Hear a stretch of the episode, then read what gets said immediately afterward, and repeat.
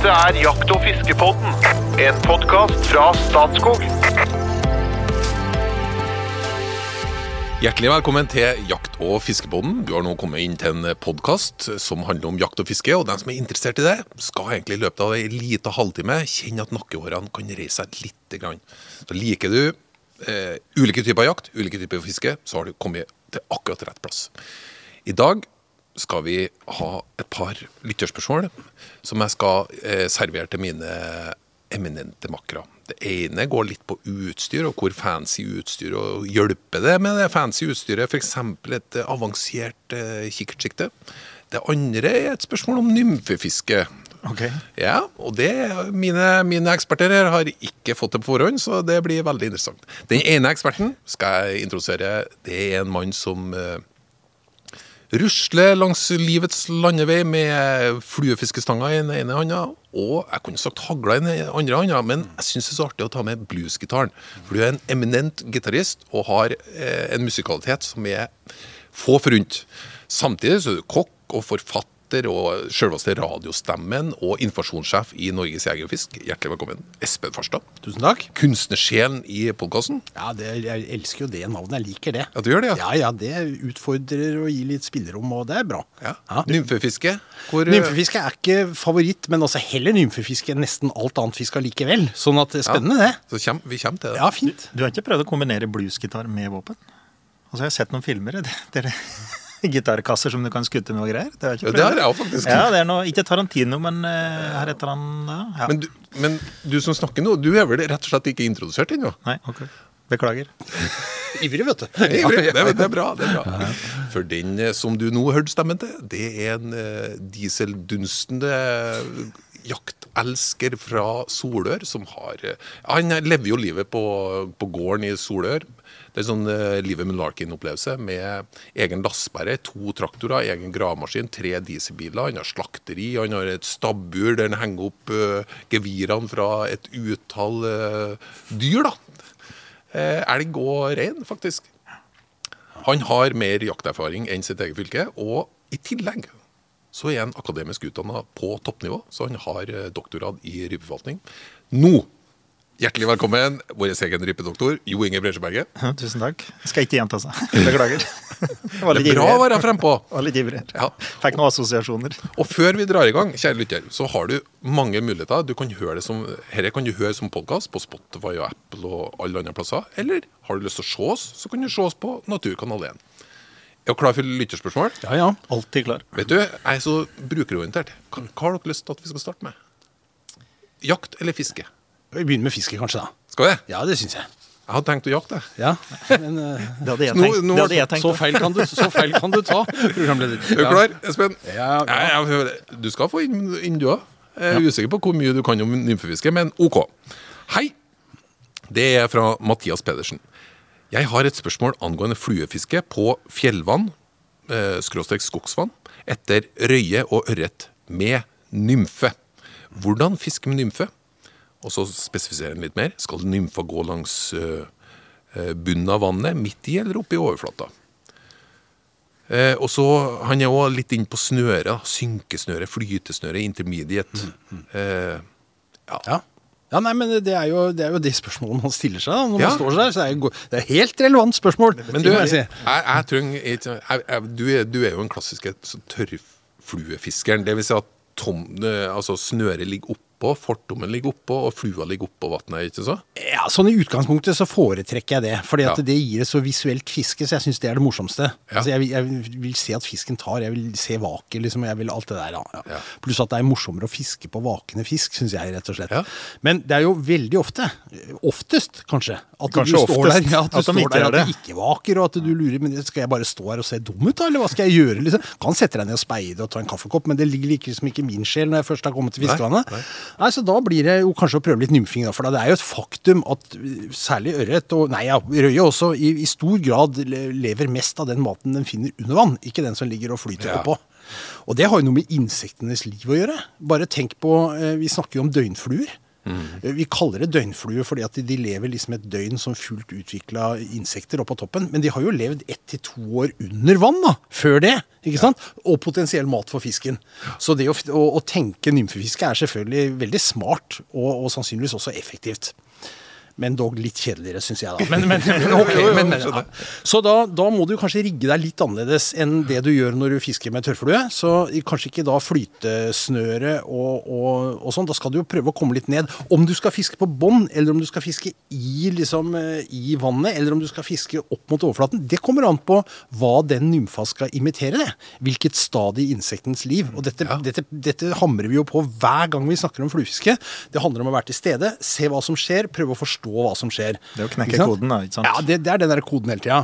Og det er klart, er du i et vann på høyfjellet hvor det er eh, Hvor ørreten er smekk full av disse her små krepsdyra som vi kaller gamarus, ikke sant, som gir så fin rødfarge på fisken, oh, ja, ja, ja, da må du jo til bånn. For disse driver jo ikke og svømmer høyt opp i vannet. Da bør du nok sette på en, en, et, kanskje synkesnøre, i hvert fall en synkefortom.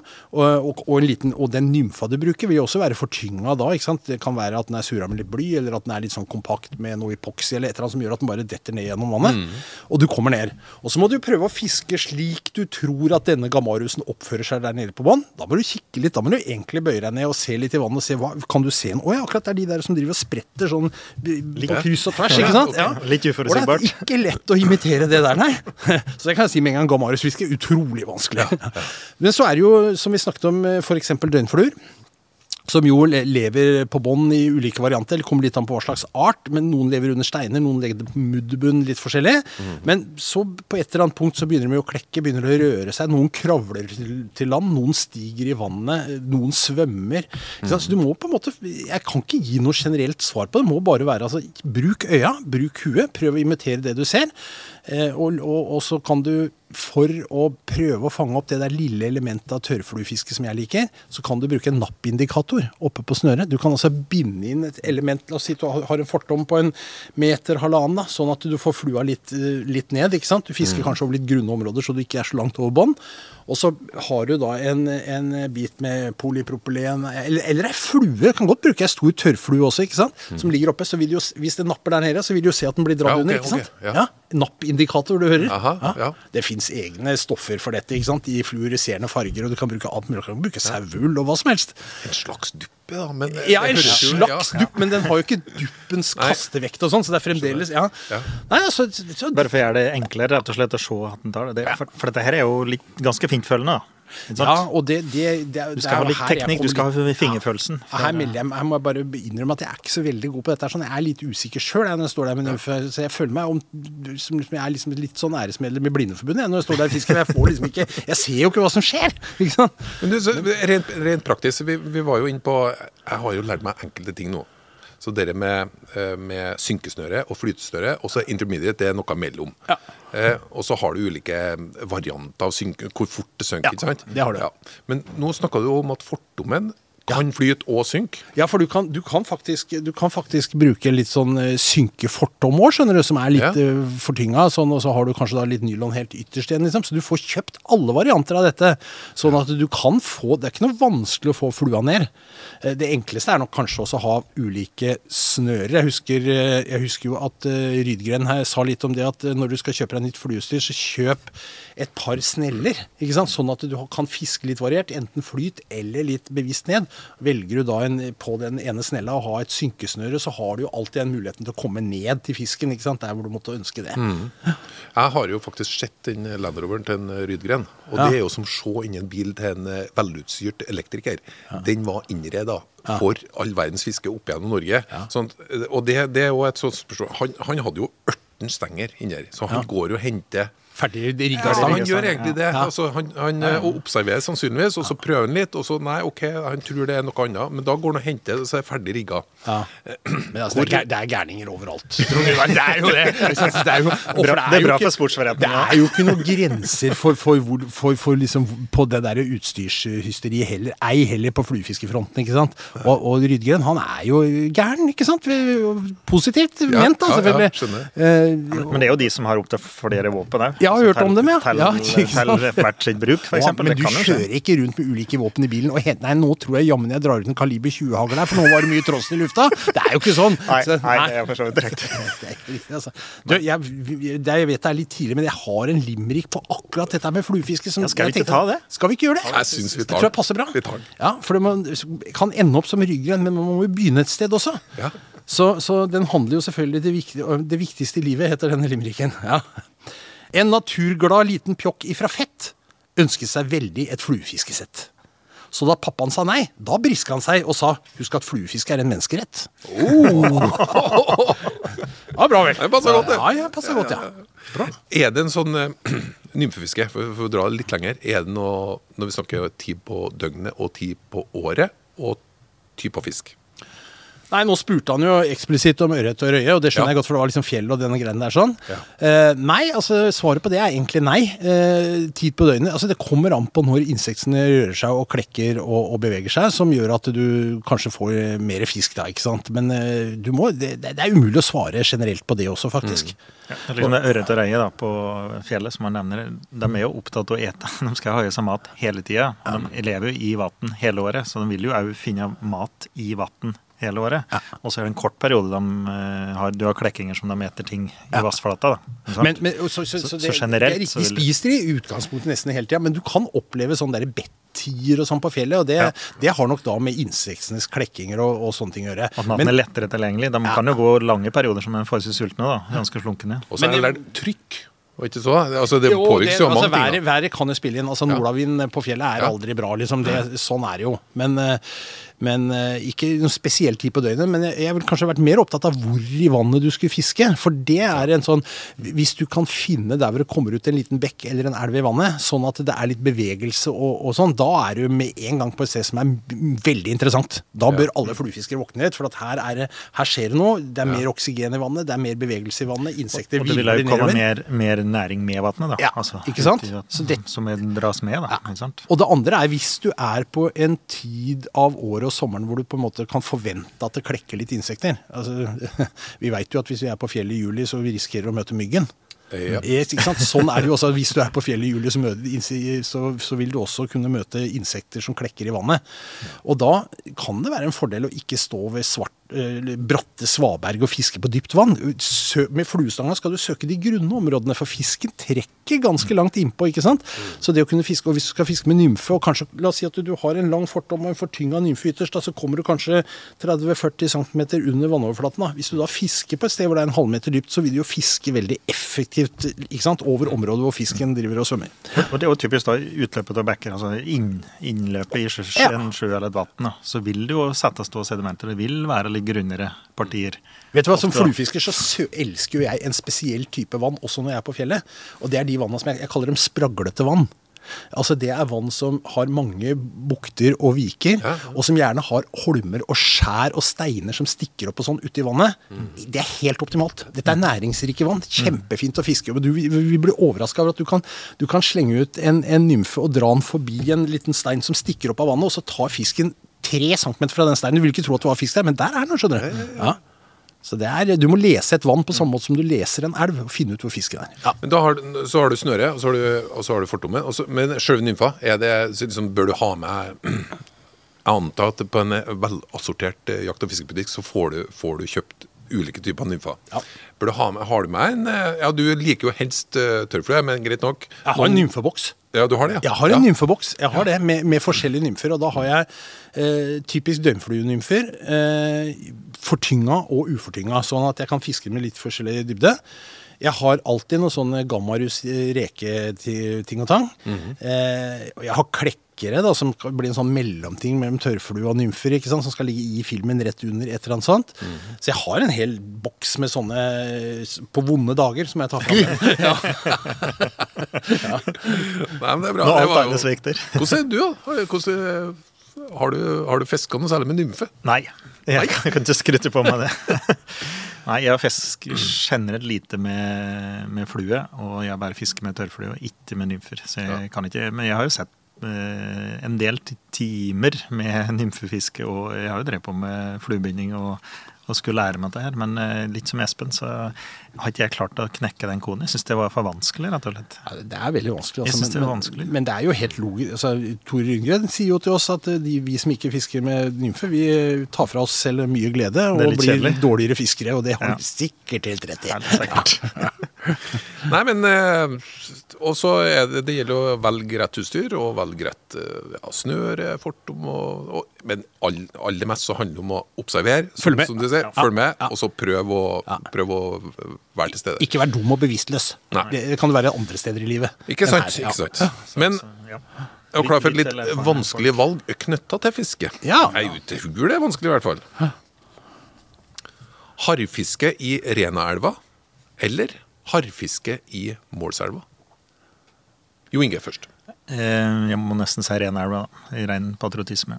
Nei, Jeg velger jo Målselva, og jeg har jo vært der og fiska harr mange ganger. og Jeg må bare si at Det er jo det er de fantastiske elva, altså omgivelsene, elva, harren er stor. Nei, helt For det er først og fremst det ei lakseelv det er kjent for. Ja da, Ja. Men, men det er bra med røye, og det er bra med ørret, og, og det er bra med mye i Målselva, egentlig. Altså. Ja, ja. Det er bare litt vanskelig å komme til, for der disse laksefiskerne beslaglegger jo sine valg, da. Ikke sant? Ja. Og Men, et par eh, timers flytur og litt leiebil og greier, mens jeg bare kan rusle en eh, rolig tre kvarter opp, så er jeg Renelva. Ja, Hvordan er det der, da? Nei, det er jo bra fiske der. Men det, det kan jo ikke måle seg med, med Troms, da. Det kan ikke. Det må vi nesten innrømme. Men det er jo fantastisk fiske. i- Fantastisk fiske. Ja. Ok, jeg skal følge opp. Jeg, jeg tar, vi tar et. Eh, Røyefiske i Dividalen eller røyefiske i Kvænangen? Espen. Nei, ja, da, da tror jeg nok nesten jeg velger Kvænangen, ja. Utilgjengelig, vanskelig, høyt oppe, værhardt. Men du, altså gøye når det klaffer der, altså. Ja, Da snakker vi. Ja, Så jeg tror jeg Ja, hva snakker vi om da? Nei, da snakker vi om, snakker vi om eh, et utrolig karrig, måneaktig landskap. Her vokser ingenting. Og havtåka kommer til og fra hele tida, og så ligger disse vannene der. Det er ikke så svære vann heller. Det er, du, alt er grått, og så plutselig så klekker det noe. Og du drar opp eh, røye på halvannen kilo som er ildrød. Ikke sant? Altså, hvor kommer dette fra? Det er jo som et eventyr, det der. Ja, så det, Men, men det, har du fiska i Dividalen? Jeg har fiska i Dividalen. Ja. Jeg har vært fisket, ja. Jeg husker jeg hadde med en eh, Lars Friesi. Det Ja. var jo sånn e- røyeeventyr inni der. Ja da, men ja. er jeg ja. Ja, jeg må da velge Dividalen, ja. Ja. og, og jeg har ikke prøvd det, så jeg skal ikke skryte på meg det. Jeg har hatt invitasjon, bl.a. fra Lars, og, og du sa jo ikke noe tid på året, så jeg kunne tenkt meg f.eks.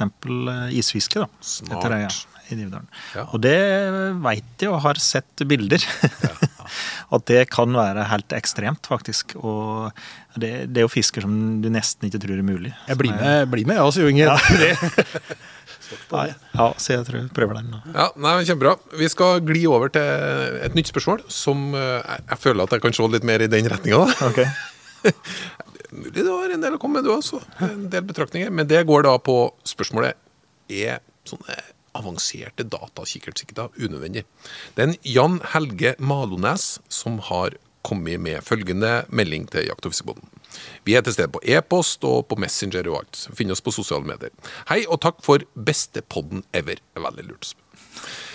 Har på mine gamle dager begynt å jakte litt smått igjen etter 25 års opphold. Primært støkkjakt på skogsfugl. Har også børstet støv av rifla i tilfelle det skulle dukke opp noe rådyrjakt. Jeg føler at han er på to av podkastens favorittemner her nå. Og det er mitt, eh, og det er der mitt spørsmål kommer inn. Jeg ser at folk nå bruker masse penger på kikkerter med kulebanekompensasjon og diverse fancy greier. Hva er det som har gjort dette nødvendig?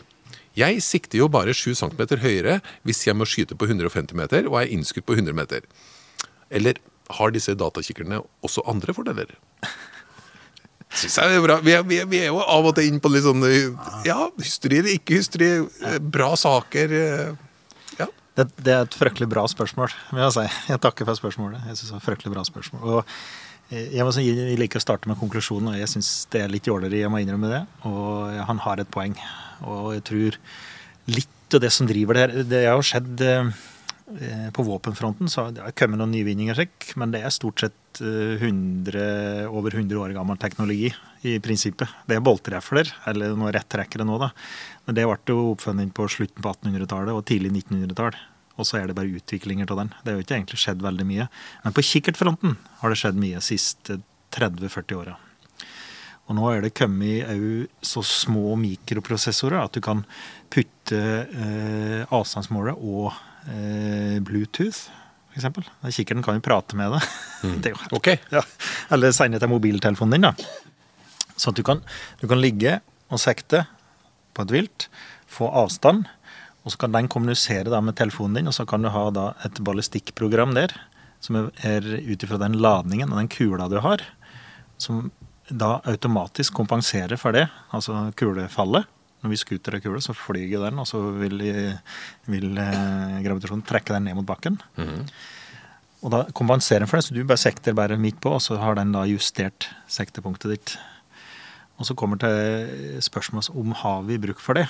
Og jeg tror mye av dette her er eh, driver fram. En ting at eh, det er en utvikling, men det, det er åpenbart at det er noe i markedet som har kanskje etterspurt det, eller at det blir en etterspørsel ettersom du lager det, at det er litt fancy og noen vil ha det nyeste. For det blir dyre kikkerter. Det er, det er ganske dyr teknologi å putte inn i en kikkert. Og du skal kombinere det med dyre linser og, og lav, vekt. Det er vanskelig å få til. Det, det blir ganske tunge kikkerter, og med mye ekstra mikk-makk. Høres ut som går an å bruke flere hundre kroner bare her. Dette kan brukes opp flere hundre kroner på. Og jeg, jeg er mulig at jeg er litt gammeldags, da, men jeg liker jo da å skute inn med de patronene jeg bruker på jakt, og trener og, og prøver å skute inn med de litt hele tiden. Tester underveis under jakta. Og, og jeg veit jo hesten jeg treffer på forskjellige avstander. Og jeg vil anbefale det, kontra å stole på et ballistikkprogram da, som ikke nødvendigvis treffer helt i forhold til den ladningen du har.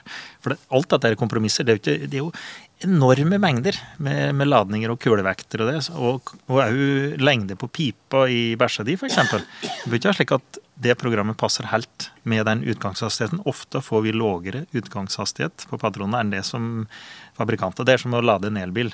De sier at du skal kjøre 50 mil, og så kanskje reelle 30 mil. Så du- du får ikke ut ja. Eh, så, og, så her skal vi bruke til her når vi jakter All hovedsak eh, jakter vi storvilt med reflene våre på avstander mellom 50 og 70 meter. Eh, har ikke bruk for det da. Og vi har pratet om langhåndsskyting. Ikke spesielt ålreit eh, ansett i Norge og Skandinavia. Vi prøver å holde oss på, på avstanden, som han sier, under 150 meter. Og vi kan ikke anbefale noen egentlig å skutte på noe lengre avstand heller. Da har du ærlig talt ikke bruk for det, altså. Beklager. Men hvis vi, hvis vi prøver å legge velviljen til, da, Jo Inge Ja, ja, ja, ja. Så, og Han er, han er jo en gammel mann i en jo, ung kropp. Ja, jeg så så jeg vi, har- må, vi må tenke her Ja, men jeg tror han har fått seg farge-TV, han òg. Jeg, jeg er litt usikker, men det, det kan jeg. Nei da, men det, jeg, jeg følger deg jo på mye av det du, liksom, det du tenker her. For det, men for det første så veit vi jo at mange liker jo å bruke liksom eh, penger og ting på, ja, på gadgeter og ting. Er sant? Vi Ja, liker ja, jo det. Noen liker det. Og det er ikke noe gærent i det, på en måte. Nei, det må være lov.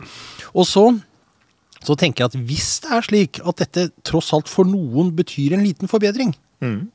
så er det jo et steg i riktig retning, nemlig mot enda mer human jakt. Ja. Bare det ikke slår ut andre veien. Da, da må man jo liksom Da må dine vurderinger komme inn. Men jeg tenker at potensielt For- for det så skal det, vi være positive til ny teknologi.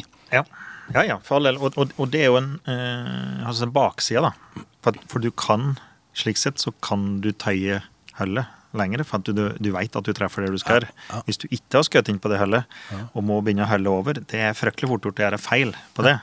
Men hvis du her har da teknologi som hjelper deg til å slik sett da, skutte et sikkert skudd, men du kan tøye hullet, så det er på en måte bakdelen av det. da. Du Og, kan vi, få og skutt inn på lange hull. så sitter vi her og diskuterer termiske kikkerter, ikke sant. Men Ja. alt Ja. dette her, og det Ja, det, det, har, det er masse plusser her òg, ikke sant. Og, og kanskje også noen minuser, ikke sant. Det, Og et sted jeg kan tenke meg at det har en effekt, er f.eks. når vi driver småviltjakt, vi driver eh, teppejakt. Eh, Det er små mål. Og eh, slik sett, da, forholdsvis lang avstand i forhold til hvor lite mål det er, da, så kan det være en fordel for jegerne at du skuter som sier, et sikkert skudd på si 150 meter da, på nærene. Det er ikke en spesielt stor blink. Nei. Og at du da, det gjør at du, du treffer den æraen. Du skuter likevel på 150 meter og treffer den æraen med et sikkert skudd for at du, du har hjelpemiddel. Så ja, så kanskje det har noe for seg. Men du skal likevel dra på det. Det er mye ting som kan gå galt her, og det er Og ja, jeg, jeg har valgt å ta Jeg har valgt å ikke ha det, da. For si. Ja, ja. Eh, Kan jeg spørre hva det koster? Hvilke priser snakker vi om? her? Nei, men en, en god kikkert med kulebanekompensator kan fort kaste 25 000-30 000. Ja, Ja. Det er fint mulig. det er jo litt det. Ja. Ja, men, men det er jo, altså hvis vi, ja, er det det? Altså, vi, vi, hvis du sier En at halvgod sykkel. Nei, det er en tyvendedel av det den bilen din koster, som du var og henta meg med i stad. ikke sant? Og hva er det viktigste i livet? Er det rifla di eller bilen? Sånn. Det var en litt filosofisk dragning, tenker jeg, som du kan ta og tenke litt på. Du er så vanskelig. Espen. Nei. Du setter alt på spissen liksom, og snur og vender. Og, Nei, men Kjør en billig bil, og så kjøper du deg dette her. Så, så, Ja, og, og, det er jo prioriteringer. Og for folk må jo kjøpe her de vil. Altså. Men, hvis vi ser litt grovt på det, du skal sitte på en elgpost og, eller en hjortepost og skuter i all hovedsak noen sted mellom 50 og 100 meter, så, så har du ikke et veldig stort behov for noe kulebane. Men eksempel, du, du var jo inne på toppjakt. Jeg kan, jeg kan jo slå til med villreinjakt. Ja, Men du bør kanskje altså, det, det er noen risikoelementer. da, Du begynner å tøye avstanden, for du, du, du, du føler at du sikrer deg sånn, og det, det er jo en stor bakdel, det også. Ja, men så, ansvaret ligger hos jegeren. Ja. Det har vi slått for før. ikke sant? Ja. Det er Ja, ja. bare Sånn er det. Ja. Det er ditt ansvar for at dette skal foregå på en, eh, på en sikker og human måte. Og, og hvis du da bruker den teknologien for å tøye strikken, så blir det feil for meg, da. Ja. Jan Helge Malones, eh, svaret er vel det at dette kan absolutt ha noe for seg. Men du greier deg veldig godt uten. det er vel egentlig det. Og det å bruke, det å bruke analysere sjøl, eh, avstander og kulebaner og sånn, det, det kommer du veldig langt med. Men det kan være, hvis det vekker økt interesse å ha et eh, fancy utstyr på den måten, kan det være good shit. Da skal vi rett og slett gå ned for landing. Eh, til lyttere og seere, hjertelig takk for følget. Har dere spørsmål eller temaforslag, ta gjerne kontakt med oss. Vi er til stede på både jakt- og fiskebåten, statskog.no, eller på Facebook, Messenger osv. osv. Lett tilgjengelig. Før vi fader helt ut, skal vi ta en liten hot or not. Er uh, mine eksperter, er eksperter klare? Ja. Ja. Den er litt uh, tema vi, vi tar den litt sånn temaorientert. Er Espen først. Ja, okay. Så Junge. Skinn fra villsau. Hot or not? Det er hot. Hot. Retten eh, smalahove. Hot or not? Det er hot. Det er hot. Ja, Skikkelig hot. Pinnekjøtt på julaften. Hot or not? Not. På julaften Ja, beklager. Not, da. Ja. Pinnekjøtt er hot. Lutefisk. Hot or not? Hot. Hot? Sorte får. Hot or not? Ja, det er hot. Ja, det er litt hot. Ja, ja Kjempebra. Høgt under kuppelen med seks skalemenn. Hot or not? Nei, det var not vel. Kjempehot fra hele studio. Tusen takk for følget, og velkommen tilbake til nye eventyr med Jakt- og fiskebåten.